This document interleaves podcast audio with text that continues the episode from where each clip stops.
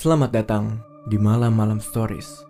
Podcast ini berisi cerita horor kamu, creepypasta, dan mitos malam. Pembuatan podcast ini dibantu oleh rekan kami, Anchor. Anchor bisa bantuin kalian bikin podcast mulai dari rekaman, edit suara, tambah lagu, pokoknya semuanya bisa kamu lakukan sendiri dalam satu aplikasi. Anchor ini gratis. Bisa di-download dari App Store dan Play Store atau bisa juga diakses dari website www.anchor.fm.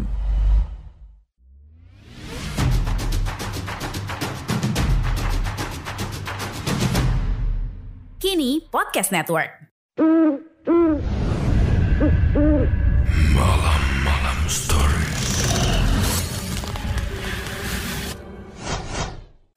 Hai manusia malam, selamat datang di Malam-Malam Stories Sebuah channel yang menceritakan cerita horor yang beredar di internet dalam bentuk mini drama.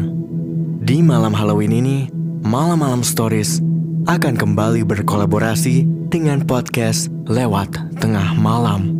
Pada episode ini, Willy Ardan akan membahas kisah Stephen Damon Balita yang menghilang secara misterius di hari Halloween Selamat mendengarkan. Stephen Demon, balita yang menghilang misterius di hari Halloween. Untuk banyak orang, Halloween merupakan hari untuk berpesta kostum semalaman. Untuk anak-anak, Halloween menjadi kesempatan mereka mendapatkan banyak permen dan kudapan dari para tetangga. Akan tetapi Marilyn Damon punya kenangan buruk di hari Halloween. Pasalnya, Marilyn kehilangan salah seorang anaknya Stephen di hari Halloween pada tahun 1955 silam. Stephen Demon menghilang di luar swalayan. Marilyn mengajak kedua anaknya Stephen dan Pamela untuk berbelanja di hari Halloween tahun 1955. Ketika itu, Stephen masih berusia 2 tahun, sedangkan Pamela masih bayi dan ditaruh di dalam kereta bayi. Kehadiran Stephen dan Pamela membuat Marilyn tidak bisa bergerak bebas.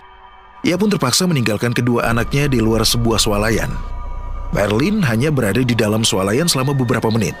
Ia cuma masuk untuk membeli sebungkus roti tawar. Namun dia sangat menyesali keputusannya.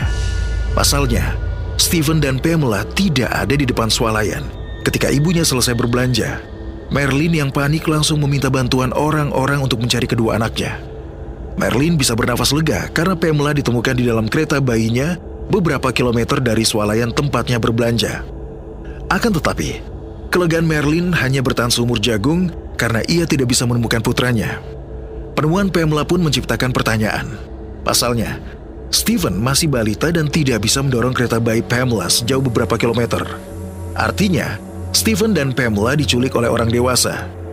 Akan tetapi, sang penculik hanya membawa Steven dan memutuskan untuk meninggalkan Pamela. Ribuan sukarelawan turut membantu Merlin untuk mencari Steven. Meski telah menyisir area New York City, para sukarelawan tidak bisa menemukan batang hidung Steven.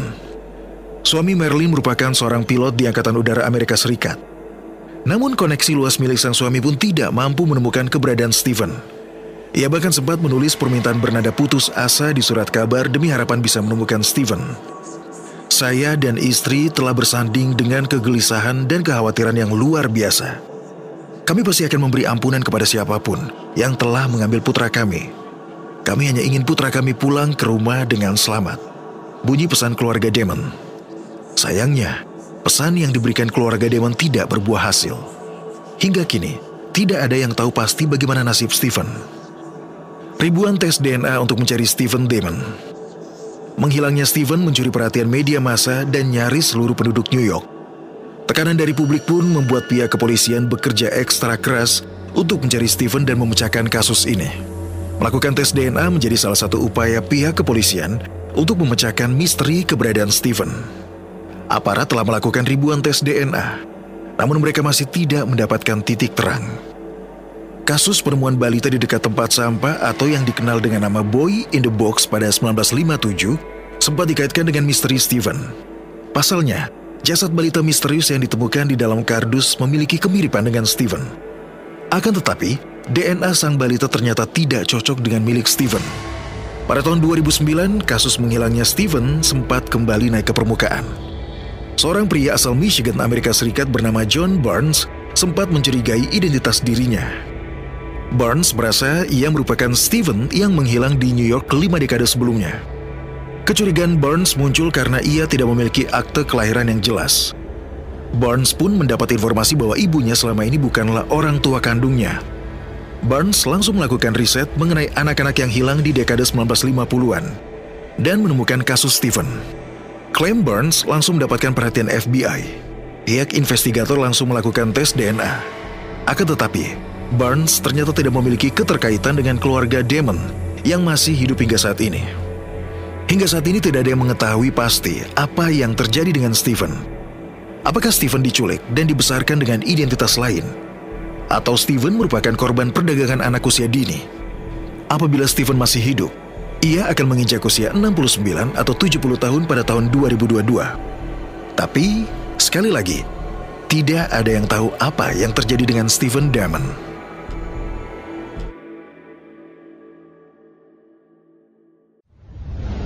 Punya pengalaman horor?